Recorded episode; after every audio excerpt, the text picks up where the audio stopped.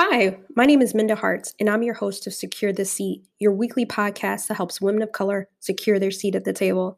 And rather you decide that you want to secure your seat at someone else's table, say corporate America or the nonprofit world, or you decide that, you know what, I'm ready to launch out on my own and build my own table, it requires accountability, it requires leveling up, and it requires forming and shaping those rooms and bringing other women of color along with you. So, securing a seat is not the end goal, but it's what you do with that seat when you sit down.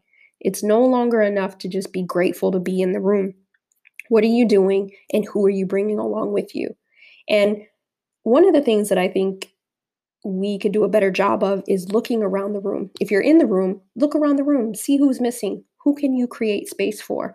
And if you haven't made it to the room, what can you do right now to enhance your skill set so that when you get in the room, you're ready to go? And you don't experience that imposter syndrome or it happens few and far between. And on today's episode, we're actually going to talk about imposter syndrome because I think that we cannot talk about securing our seat without addressing that. Because as women of color, the stats say that we are the most educated group in the country. And we know that those numbers don't reflect executive roles and seats in the boardroom. So we've done the work, right? And sometimes when we finally get in those spaces, we feel some kind of way, or we feel like, oh, I'm just happy to be here. So I'm not going to say anything. I'm not going to rock the boat. But those days are done. And it takes time. I'm not saying that you get in the room and start gang busting, right? I'm saying that you you find a way to impact the room. You find a way to bring other people along with you because once we get in the room, it's up to us to shape it, it's up to us to impact it. And what are you doing to secure your seat, but also what are you doing to bring other people along with you? And I think it's really awesome when we bring our friends with us, but it's also cool to say, you know what, there's this sister friend that I may or may not know, and she's doing cool stuff. I'm going to reach out to her, give her an opportunity. Like, you don't always have to go after the person with a hundred million, thousand trillion followers. There's women out there that are doing really amazing things that you can give them an assist.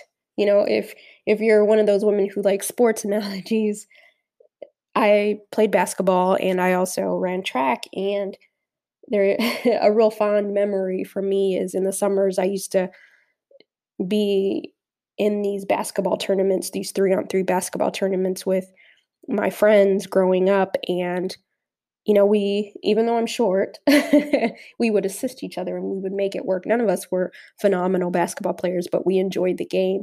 And so i give that example because i want you to think about how you can provide an assist so somebody else can slam dunk. It's not always about us being the one to slam dunk. It's important for us to to set somebody else up too. And i think when we get in that mindset to realize that success is who's around you, who's successful next to you. That's important too. So I impress that upon you each and every episode. And if you're a first time listener, welcome. Thank you. If you're back rocking with me for a, another episode, I appreciate you. And for those who have had a chance to go to Apple Podcast, thank you. For those who haven't, please go and leave a rating or review. I know it's an extra step. God forbid. and I do appreciate it, but go there because we want more and more women of color to know this podcast exists. And the way that happens, we signal to the powers that be that this is important. This conversational topic is important. And before we move on to my special guest, I just want to share a win with you. I, I, don't typically do this, but I'm very proud and very grateful because this actually happened today. And so I established at the end of last year, to make a long story short, I established a endowed scholarship at my undergrad institution for women of color, first year or transfer student. It was something that I put on my 10 year plan to be able to do. And thankful to God, I was able to do it sooner than that.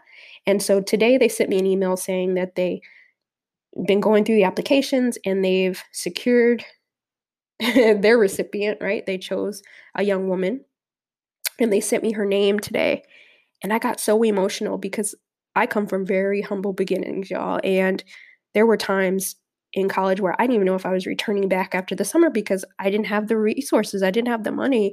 And I always said if I made it to a certain place in my career, that I would go back and I would help other women. And it's important for me to help other women of color, all women, of course, but I have a special place for women that look like me or have similar struggle because I think that it's important for you to see yourself.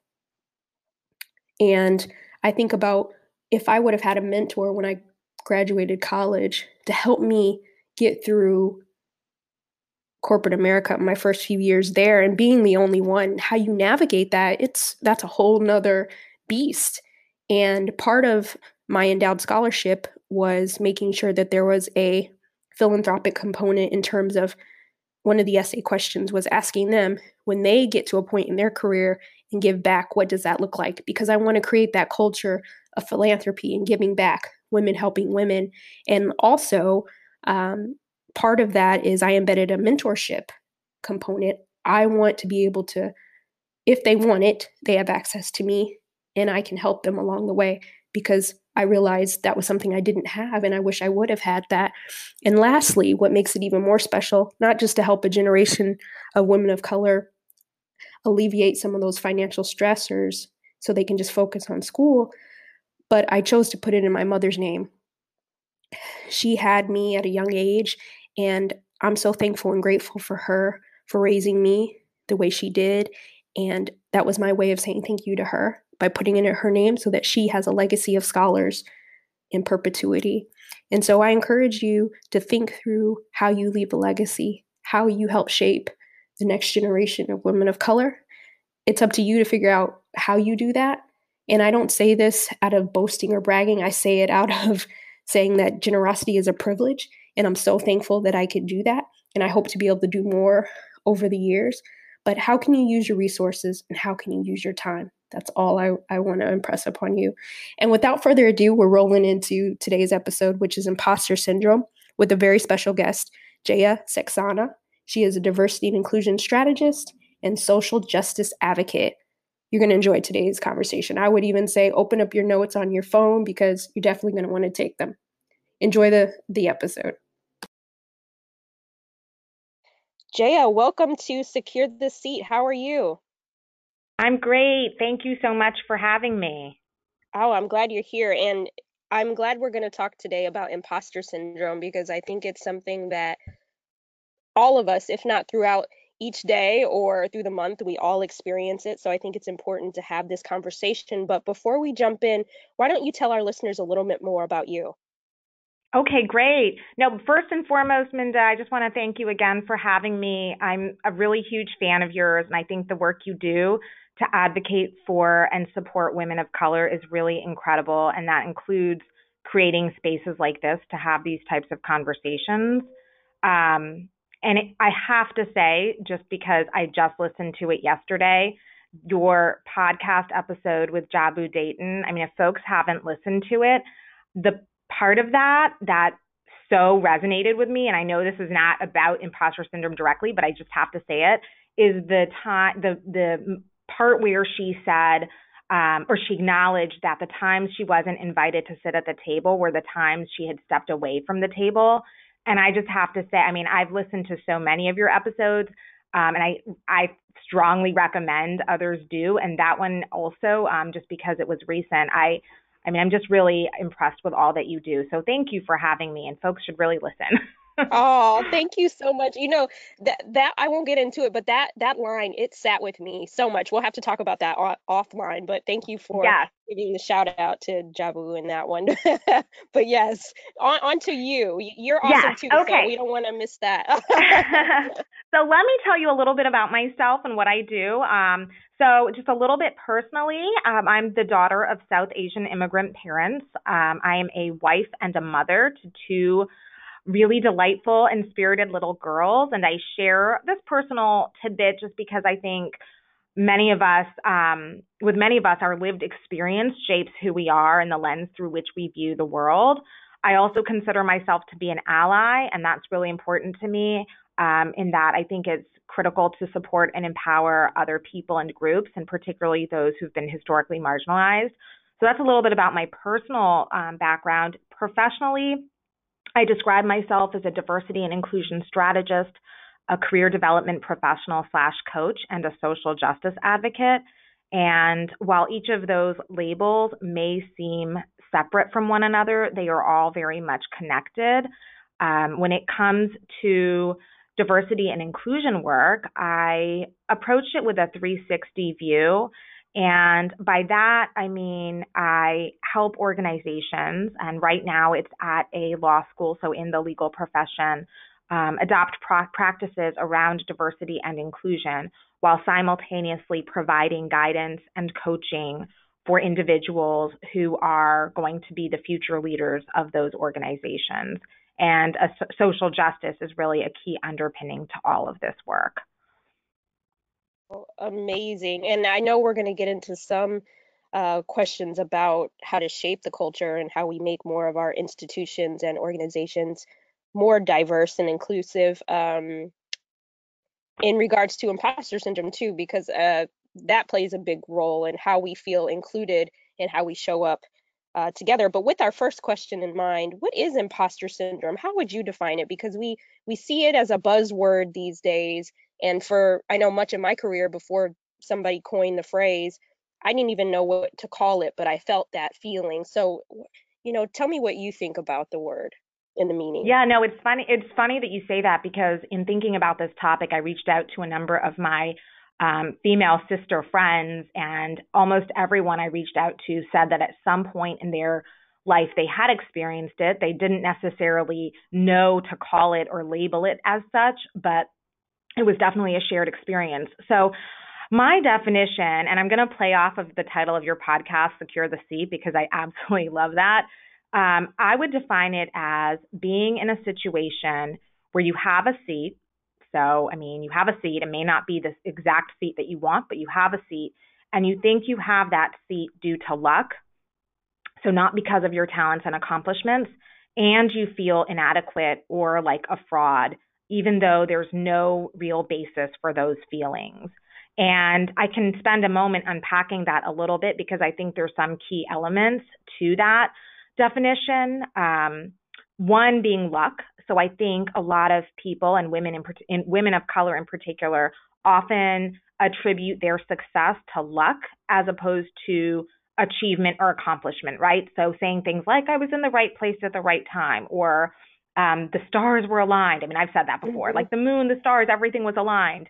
Um, so I think one element is luck. Another is this feeling of being a fraud the fear that you're going to be exposed as an intellectual faker, if you will, right? So I'm I'm afraid my colleagues will discover how little I really know that way of thinking. Um, and then another piece that I think is so key is this idea that there's no real basis for these feelings.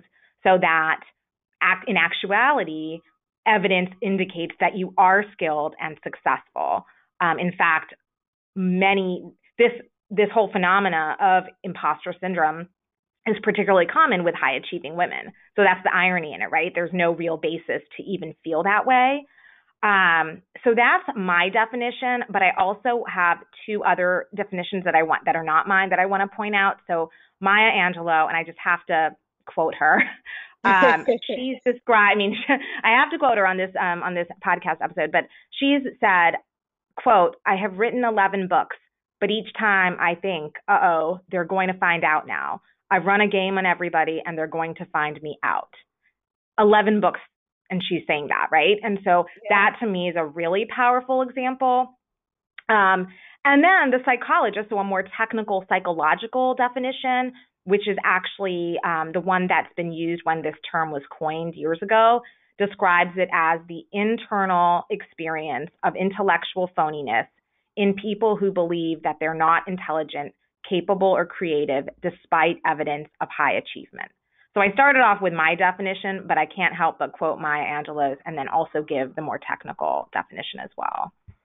Oh, that's great. Well, I'm glad that you gave the spectrum uh, because I think we fall on on the spectrum of imposter syndrome. But I'm glad you talked about luck because I think about just even myself. Sometimes I'll get in a have an opportunity and I'll be like, I don't know why I'm here, but I'm here, you know, that, kind of thing. It's like, wait, you you did the work. So I'm glad you you touched on that because I think it's so important for us to unlearn some of those negative behaviors that we attribute to our success, right? Right. And I think that luck, that luck mentality in a way dismisses all of the intentional, deliberate decision making and hard work that so many of us have done for years, right? So it's dismissing the fact that no, we worked really hard and a lot of our decisions were probably very intentional. So um, I completely agree with that. Oh, that was so good, and thank you for the the Maya. We ha- we have to honor her. Right? And I know. we have no, to. That's got it. Yep. um, well, that I'm thinking about. I mean, I know there's plenty of experience, plenty of times I've experienced it, but has there been a time in your work life that you've experienced imposter syndrome, um, and how did you? How did you reconcile that feeling to say, you know what, I can't show up like this. I can't have this mentality. I'd love to hear your thoughts, maybe a story to share. Yeah, no, absolutely. I mean, I was, th- uh, you know, in thinking about that, quite frankly, there's been many small moments of imposter syndrome throughout my career, right? I'm sure, like you even said, there many of us, I think, have had moments over over years where we've felt this way. Um, and so I do want to just highlight the data real quick to show how widespread this experience actually is, because the last thing I'd want is someone to think that it's isolated to them. So, about 70% of people actually experience imposter syndrome at some point in their lives. Um, and that's according to an article in the International Journal of Behavioral Science. It affects people from all backgrounds, all careers, um, and it can be especially dis- noticeable in fields where women are underrepresented. So, for me personally, going back to your question about a story, I mean, it, I experienced it certainly when I was in law school and a new attorney. But now, even 13 years after finishing law school and almost two decades of work experience later, there's still moments where I experience it. And so, one example in point is from May of this year. And I was in, I'd been invited to be a guest speaker for the National Science Foundation's 2018 um, Asian American and Pacific Islander Heritage Month observance. So this was an event that the National Science Foundation was organizing. I was given full rein to talk about anything that I wanted. Um, I prepared my remarks. I talked, um, which were really about the interconnection between well-being and inclusion. And I experienced imposter syndrome in two main ways. One, I remember telling my sister that I was doing this, and she said, oh, that's so interesting because I've always just considered myself to be South Asian. And I was like, oh, well, wh- what do you mean? And so for her, you know, Asian is obviously a racial category in the United States, and the Census Bureau actually includes India and the entire Indian subcontinent. But I had a moment of thinking, are the people here going to identify me or think that I'm, you know, and are they going to question why I, as a South Asian, and and therefore an Asian American and Pacific Islander Heritage Month? So that was a moment of, mm-hmm. wait a minute, is are they going to get what they are expecting?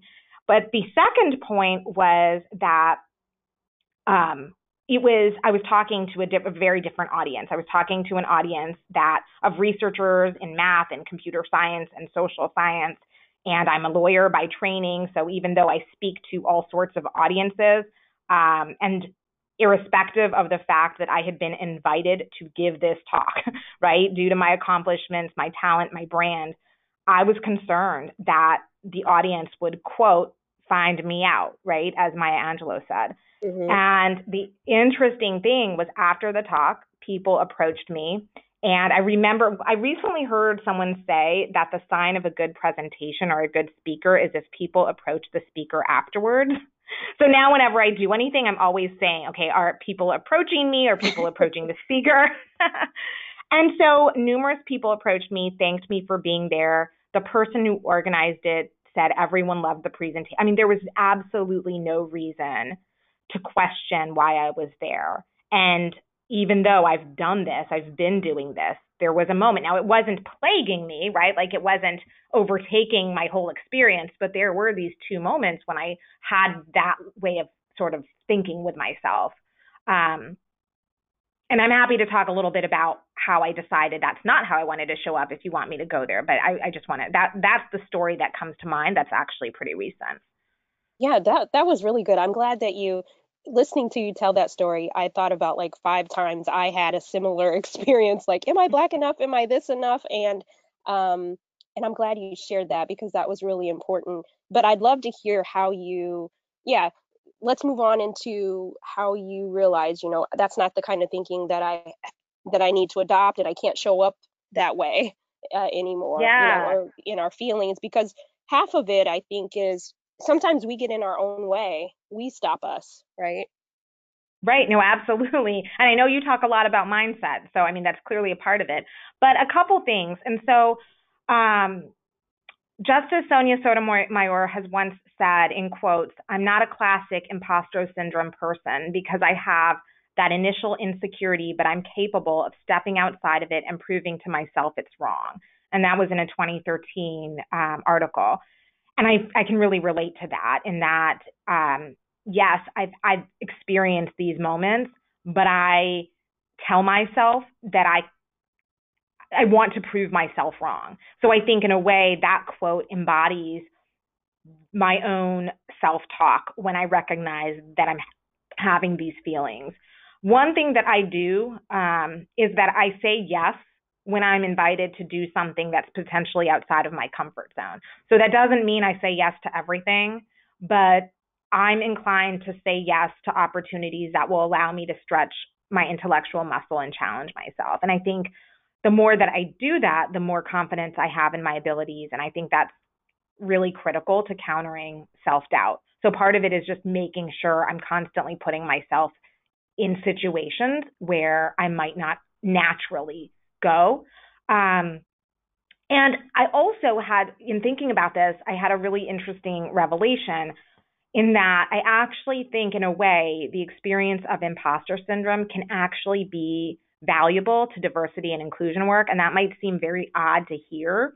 But the example that comes to mind is, you know, so I may not be, I may not have 30 years of experience in a particular organization, but it could be the decades of experience that's actually preventing an organization from thinking about what they could be doing differently. So, in a way, having an outsider perspective can actually help somebody come up with creative and innovative solutions. And so I hadn't really thought about that way until more recently, but um, and I'm, i quote a lot of people because I'm there are a lot of people that really um, inspire me. But the woman who leads Google's Doodles, like the little graphics that Google has oh, yeah. on, on the right. So she mm-hmm. actually, I thought this was so fascinating. She attributes imposter syndrome to her success. And what she said is that, and this is again a quote, um, a moderate dose of imposter syndrome plus a strong work ethic can actually be quite helpful as it keeps you on your toes, constantly wanting to learn and accomplish more. And once you do, you may find that you're magically not an imposter anymore. And so, yes, there are certainly strat right. There are certainly strategies that I I constantly want to prove myself wrong and I do a lot of self-talk. but I also have started to realize that there might actually be this value in not just diversity and inclusion work, right? But I mean in um, more more generally as well. That's great. I love that you have um, you tell the story, you use the anecdotes, you have the facts. Like it's it's all neatly wrapped in a, a beautiful bow, and I and I like that because I think we we need to use our brains and have the facts, right? Because it's one thing I can say, oh well, it's this way for me, but then have it rooted in some in some data. So I really appreciate you um, making that that pretty presentation for for us because I think there's there's listeners out there who need both, right? They they need to know that it's it's bounded and rooted in something and and something you said about the inclusion part and some may not see the direct correlation between imposter syndrome and inclusion, but as we show up in the workplace, some of it yes is maybe what we tell ourselves, but also it's the environments in which we work. Do we feel accepted? Do we feel included to make us feel like we belong? Are there any strategies i know you touched a little bit on it in your last answer but that universities and colleges and workplaces could adopt to help minimize some of this feeling of imposter syndrome for people of color women of color yeah, no, I mean, I think that absolutely. So the intro, a couple things to note, um, you know, and I, I say this because I, you know, as a woman of color, but I do think that, and I, and the data also shows that this experience really uh, afflicts people who are minorities in a job or academic setting, and that includes women and underrepresented racial and ethnic groups. And it disproportionately, I should say, afflicts those individuals. Um, and the interesting thing is that I think imposter syndrome is very much an internal experience to an individual which makes it interesting when we think about what can organizations whether that's educational institutions or other types of organizations what can they be doing um, to not only be more inclusive but is there anything they could be doing to actually help those who experience this feeling? Um, and so I think there are a couple things. Uh, and I do think, and I know you've talked about this before, that it's important to also feel empowered as an individual. So, yes, organizations can do certain things, but what as individuals can we also do? And so, for organizations, um, I mean, I think there's a, probably a whole list, right, of things that organizations can do to create a more inclusive culture. Um, just a couple quick examples of things that I think specifically relate to this feeling of imposter syndrome. I think this idea of creating a culture where mistakes aren't seen as failures is critical, right? So, this idea of embracing failure, learning actually how to fail better. So, I think, particularly for educational institutions um, and graduate programs where you have a lot of high achieving individuals, um, it's really important to create a culture where mistakes are embraced.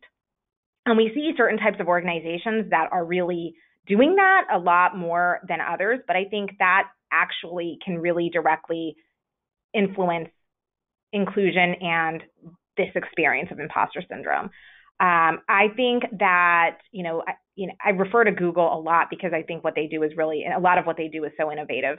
But I think they actually do um, incorporate a mini video or a video on imposter syndrome as part of their orientation for new employees. I mean, that's a very concrete thing that an organization should do where they actually have a conversation with their incoming folks about this experience. Um, so I think that's really interesting.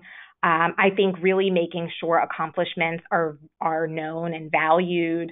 Um, I was actually talking to my husband about this, and he mentioned something that's really interesting where he said that organizations can actually provide leadership training for leaders to hold employees accountable for marginalizing themselves.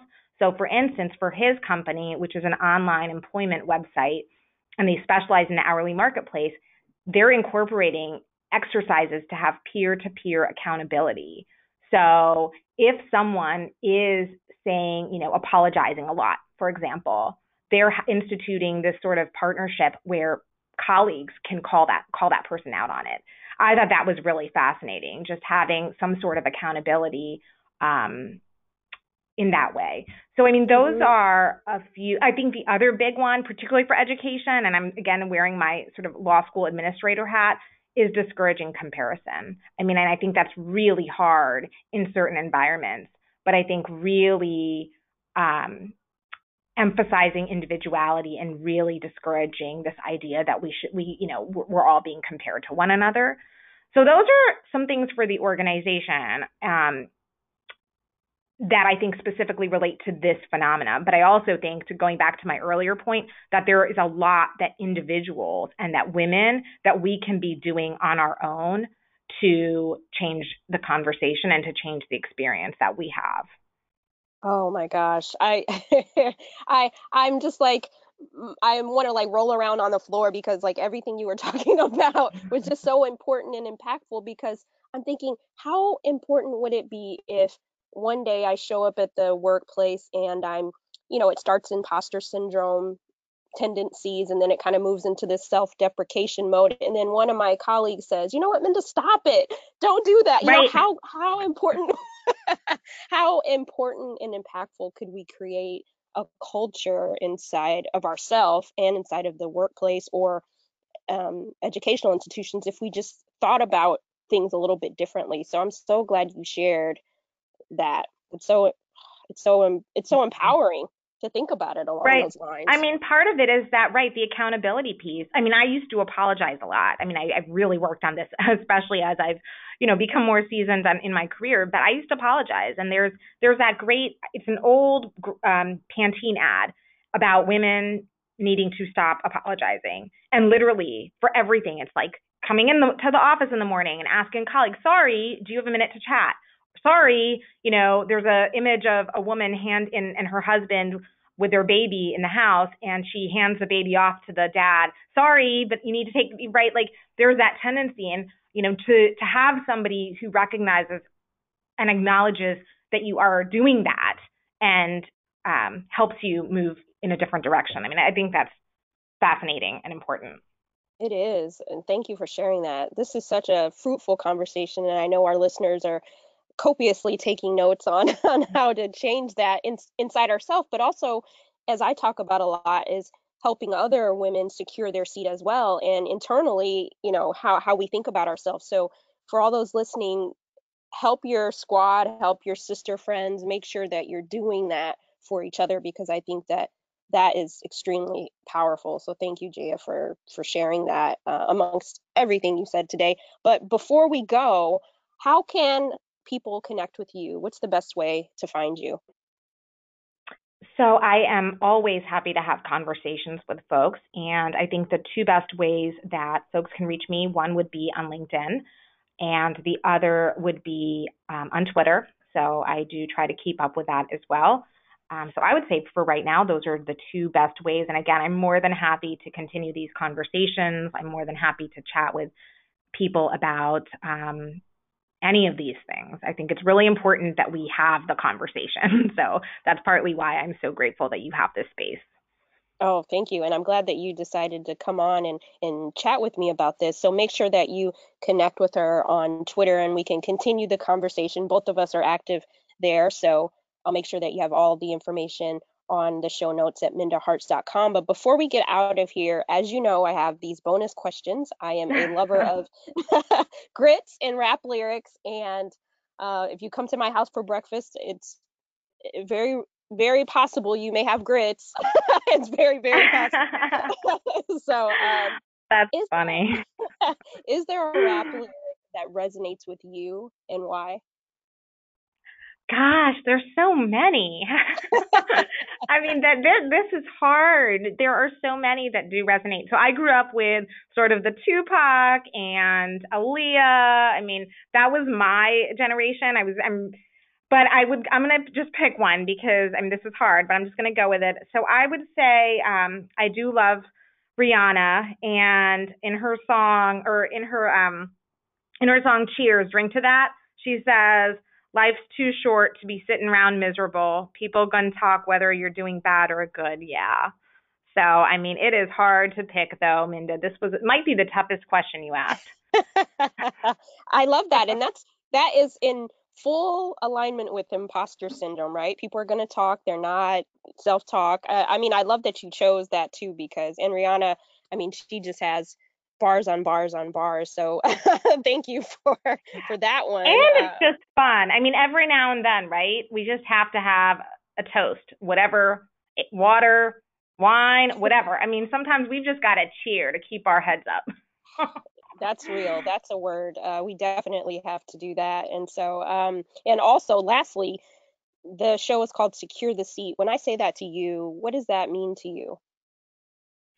So I love um, that this is called Secure the Seat. And to me, that means being at the table um, with leadership, decision makers, key players, power players in your field of work, and being able to bring your authentic self to the conversation. So I think it's one thing to be at the table. Um, and it's another to be and we we didn't really get too too we didn't get talk too much about authenticity which is something that a lot of folks are talking about right now. But i think being able to show up as you um, to those conversations is really important. And i also think and i know you believe in this very firmly that in securing the seat comes a responsibility. And it's a responsibility to advocate for others whether that's your team the people you supervise the people you serve and helping other women secure their seat. I think that is so important. So when you're at the seat, when you're at the table, when you're in the seat, when you're at the table, you know, take up space, remember you're enough, be empowered, and bring your authentic self. Boom. Nothing else to say. You you said it. Thank you so much. Um, I really enjoyed our conversation. It's such a pleasure, and I know we'll have much more of these conversations um, as the year progresses. So thank you for the work that you do in this space, and it's been a pleasure. Have a great day. Thanks so much, Minda. Thank you for listening to Secure the Seat. I know you enjoyed that interview with Jaya, so make sure that you go to mindaharts.com, check out the show notes. You'll find out how you can connect with her, shoot her a message, let her know you enjoyed the episode. I know I did. And I know that I'm going to go back and re listen to it a couple times and with my notebook. So thank you so much for listening. I hope you have a great week and a good holiday. And also, if you're in the New York area on August 30th, join me. Go to myweeklymemo.com. We're hosting a networking event for women of color at the Royalton in New York. So meet up with me and other women of color that are in the memo community and let's see how we can help each other. So, lastly, please go to Apple Podcasts and leave a rating or review. Those really do help more than you know. And thank you for those who've taken the time out to do that. So have a great week, and I'll talk to you soon.